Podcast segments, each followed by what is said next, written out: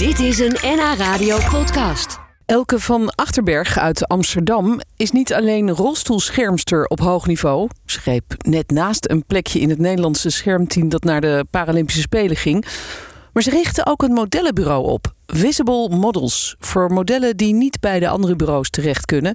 Daarover straks meer. Maar eerst antwoord op de vraag waarom ze nou eigenlijk niet mee kon naar Tokio. Ja, ik ben bij één plek niet geplaatst voor, de, voor Tokio, voor de Spelen. Dus dat is ontzettend zuur. Voornamelijk Oh. omdat er mensen die onder mij staan op de ranglijst wel mogen en ik niet. Nou, Ehm, maar ja, nu eh, kan ik in ieder geval hier zijn. ja, je, je kan ze in elk geval van afstand kun je je collega's allemaal aanmoedigen daar. Zeker, ja. Hmm. ja. Maar jammer is het wel, eh, vooral omdat je heel hard gewerkt hebt eigenlijk eh, ook aan eh, je revalidatie. Je bent net terug uit Turkije, hè? Daar, Klopt. daar heb je een eh, heftige revalidatie achter de rug. Wat, wat, hoe kwam je daar terecht en wat was er aan de hand? Ja, ja, ik heb eigenlijk altijd op een prothese gelopen. Mijn linkerbeen is geamputeerd. Maar afgelopen januari ben ik geopereerd aan een hernia. Alleen deze operatie is niet helemaal goed gegaan. Of in ieder geval na de operatie ehm, is mijn been volledig verlamd geraakt.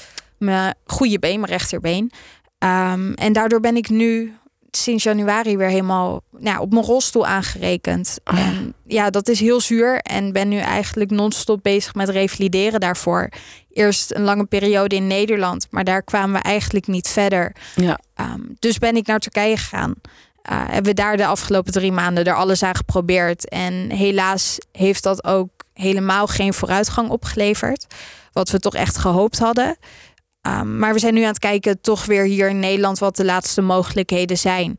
Ehm, want ik ben nog niet klaar om op te geven. Nee, nee, dat kan ik me voorstellen inderdaad. En het, het lijkt me heel eh, zwaar teleurstellend als je zo hard eh, traint en revalideert. En dan kun je toch niet naar Tokio ook. Want dat Ja. had je nu wel fysiek aangekund, denk je? Ondanks dat je net... eh, Ja, ik zou Zo- wel een hele hoop pijn hebben gehad. Maar ik was in principe wel. ehm, ik kan niks kapot maken in mijn lichaam. En dat is Mhm. eigenlijk altijd waar je rekening mee houdt met blessures in het algemeen.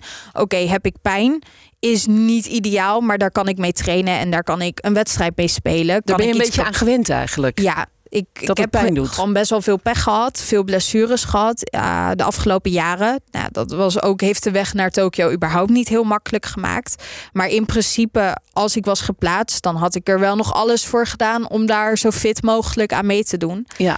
Um, kijk, nu ik niet geplaatst ben, kan ik in ieder geval even volledig focussen op deze revalidatie. Ja. Uh, wat ook goed is. Maar ja, het is natuurlijk ontzettend zuur. Ik had daar gewoon willen zijn. Ja, tuurlijk. Maar ik heb wel Ja. zoiets. Als ik dan al niet ga bij die ene plek, dan liever Tokio. Uh, met corona. Als Dat dat, is een waar. andere spelen zou zijn geweest. Want Ja.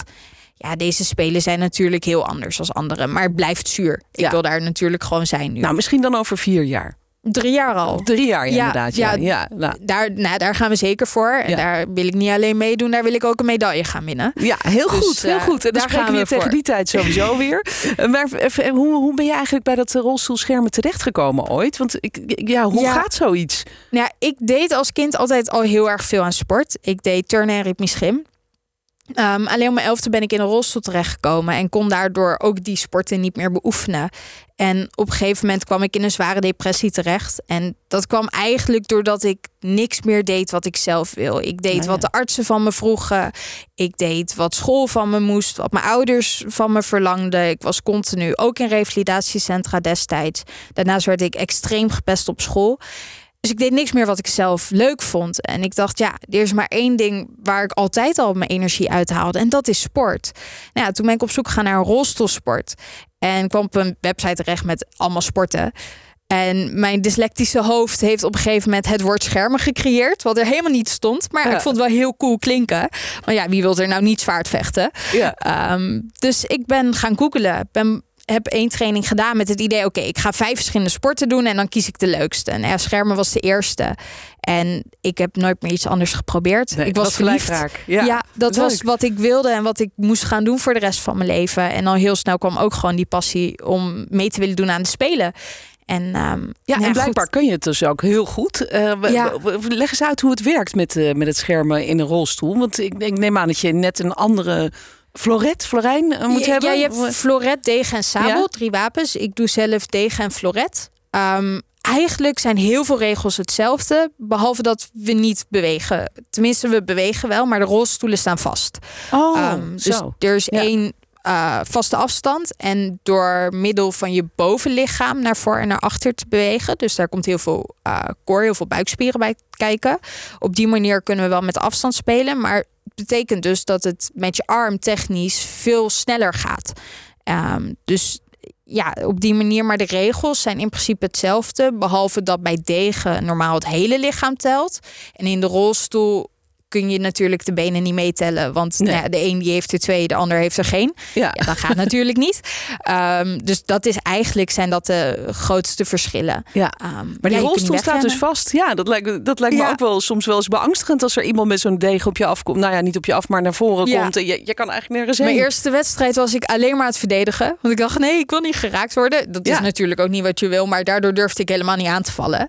Ehm, maar ja, dat, het is, je zit heel dicht bij elkaar. Ehm, heel snel, kijk, je hebt gewoon goede bescherming aan. Ja, blauwe plekken horen erbij. Maar bij het voetbal word je ook constant Ja. tegen je schenen aangetrapt. Zo is het. Of je scheurt een knieband af. Dat of hoort bij ik wat. topsport. Het is, topsport is Ja. ook blessures oplopen. En Ja. misschien een beetje een blauwe plek her en der. Ja, precies. Goed, nou, we hebben het eh, nu uitgebreid gehad over jouw, eh, jouw schermen. Mhm. Maar je bent ook een modellenbureau begonnen. Daar wil ik Klopt. het eh, zo nog uitgebreid met jou over hebben. Want dat is dus een inclusief modellenbureau. Ehm, misschien kun je vast heel kort een tipje van de sluier oplichten wat dat inhoudt, inclusief. Ja, inclusief. Kijk, normaal zijn natuurlijk modellen eh, lang, heel erg dun en nou ja, over het algemeen toch ook wel wit. En wat inclusief eigenlijk inhoudt, is dat we verder kijken als dat. Wij vragen niet naar maten, maar wij vragen naar ehm, mensen hun verhaal. En dat is eigenlijk het grootste onderscheid tussen Visible en andere modellenbureaus. Goed, straks meer daarover. Visible Models heet dat, een inclusief modellenbureau. Je legde net al even uit een beetje wat dat is. Waar- waarom wilde je dit bureau beginnen? Ehm, nou, toen ik opgroeide, ik ben om elf in de rolstoel terechtgekomen. En eigenlijk ja, door mijn jeugd heen, ik kon mezelf nooit identificeren met iemand anders in de modellenindustrie, in, in de media, eh, in films. En ook al leek je misschien op een bepaalde acteur of actrice, toch die rolstoel was zo tekenend, voornamelijk voor andere mensen, dat ik me heel erg ja, eenzaam daarin voelde. En op een gegeven moment was ik zo van ja, dit moet gewoon veranderen. Ja, En ja want, want vaak de- als, als iemand in een rolstoel zit in een film, dan is het eh, omdat het daar dan over gaat. Over ofwel Ja. eh, de dramatische achtergrond waarom iemand in de rolstoel zit. het zielige verhaaltje. Dat, Ja. dat is, en dat zie je ook op tv. Terwijl jij Ehm, juist heel erg hard aan het knokken bent om gewoon op de Paralympische Spelen te komen. En, Precies. eh, ja. Ja, het, is, het gaat heel erg over het zielige verhaaltje en heel erg het zoeken naar inspiratie. Terwijl ik heb zoiets, ja, ik ben gewoon elke. Niks meer, niks minder. Waarom kan het niet gewoon gaan over wie ik ben en wat ik kan? In plaats van alleen maar, oh, hoe ben je in een rolstoel terechtgekomen? Of oh, hoe ben je je been kwijtgeraakt? En nou ja, op een gegeven moment had ik heel erg zoiets, ja, als niemand het doet, dan ga ik het zelf maar doen. Nou, zo ben ik in 2015 of 2016 ben ik zelf gestart als model. Heb toen Amsterdam Fashion Week gerold voor de eerste keer. En toen ook vrij snel um, Amsterdam Fashion Week gelopen op een prothese. En was dan ook het allereerste model um, op een prothese. Wat Was, was dat lastig om ertussen te komen? Om, om dit voor elkaar Ehm, te krijgen? Nou, op zich uiteindelijk heb ik dan gelopen voor een kledingmerk wat ook kleding maakte voor mensen die nou, zitten uh, in een rolstoel. Dus op die manier kon ik die show lopen. Nou, dat is nogal een hele uitdaging om mensen op een prothese of in een rolstoel op de gewone shows te krijgen. Maar dat is wat ik nu via Visible probeer. Maar goed, het is natuurlijk best bizar dat in 2016 pas het allereerste model op een prothese daar liep. Ja. Um, terwijl nou ja, toen waren we allemaal, oh, we zijn zo ver hier in Nederland. Nou, dat Ja. valt dus best wel mee. Nou, ben toen langzaamaan meer klussen gaan doen, maar ben tegen heel veel oneerlijkheid uh, aangelopen. Um, en er werd dus ook echt vaak letterlijk gezegd van, nou ja, maar je bent toch helemaal geen model met dat been van jou. Um, en ik heb op klussen gestaan waar een model met twee benen kreeg de volle map betaald. Dan heb je het over honderden euro's. En ik kreeg een cadeaubon voor de doeklas. Oh, echt? Nou ja, dat is Ah, natuurlijk... dat voelt heel onrechtvaardig, ja. Ja, en dan letterlijk dus met de opmerking van ja, maar je moet toch blij zijn dat je hier mag zijn. Echt dat er werd gepraat van ja, maar wij doen iets goed. Wij, wij geven jou deze kans. Wij zijn zo goed bezig. Dus dat moet anders, dacht jij? Ja, toen dacht ik, dit moet anders. Nou, toen op een gegeven moment kreeg ik zoveel nare situaties dat ik dacht van ja, nou ja, dan stop ik er maar mee. Maar toen dacht ik alweer heel snel, ja, als ik ermee stop, dan is er weer niemand. Nou, toen ben ik heel streng geworden van oké, ik wil gewoon goed betaald krijgen of niet. Ehm, maar ook dat kon, kan niet in mijn eentje. En daarom op een gegeven moment na gaan denken over hoe kan het dan anders. En ben toen op het idee van visible models gekomen. Om dus iedereen te representeren. Want uiteindelijk ook niet alleen mensen met een prothese of in een rolstoel zijn. Um, worden niet gerepresenteerd.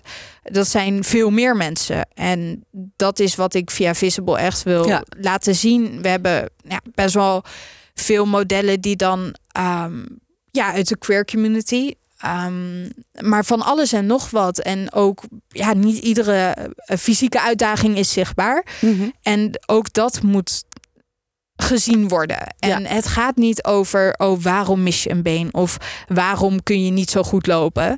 Nee, het gaat over wie ben jij? Wat doe jij? Wat heb jij deze wereld te vertellen? En, hoe, hoe zoek jij dan, uh, de komende mensen nu echt naar jou toe al, die, uh, die uh, modellenwerk willen doen, maar misschien inderdaad een prothese hebben of, of iets anders, waardoor ze misschien niet zo snel door de, door de grote modellenbureaus aangenomen worden? Ja, nou, ik krijg heel veel mails en heel veel DM's op Instagram binnen van mensen die. Dus dat zijn persoonlijke berichten, hè? Die, ja, ja, van kan ik ik ehm, me ook aansluiten als model. Um, op het moment um, ja, zijn we, ja, wij reageren op die mails en eigenlijk waar wij om vragen is niet over naar mate, zoals een normaal modellenbureau ja, ja, ja. Maar ik vraag hem, wie ben jij? En eigenlijk de vraag die ik iedereen stel is, wat betekent being visible voor jou?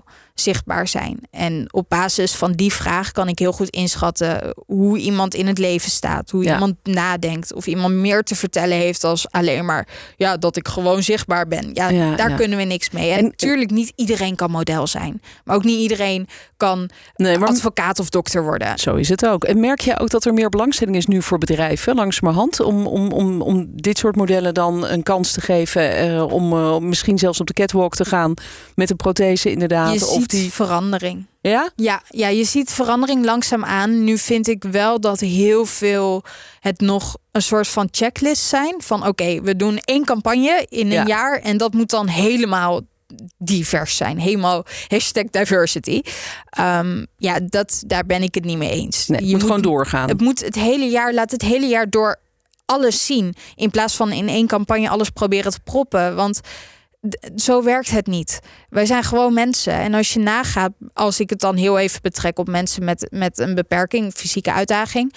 1 op de 10 Nederlanders heeft een fysieke uitdaging. Ja, en dat is dus echt heel veel. Ja. En maar waarom zien we ze dan nooit? En nou, goed, dat telt voor heel veel groepen. Ja, maar jij doet daar wat aan met jouw modellenbureau. Visible Models heet het. En uh, je hoorde Elke van Achterberg uit Amsterdam. Dankjewel dat je hier was. Ja, dankjewel. En heel veel succes met jouw uh, weg naar de volgende Paralympische Spelen. Dankjewel.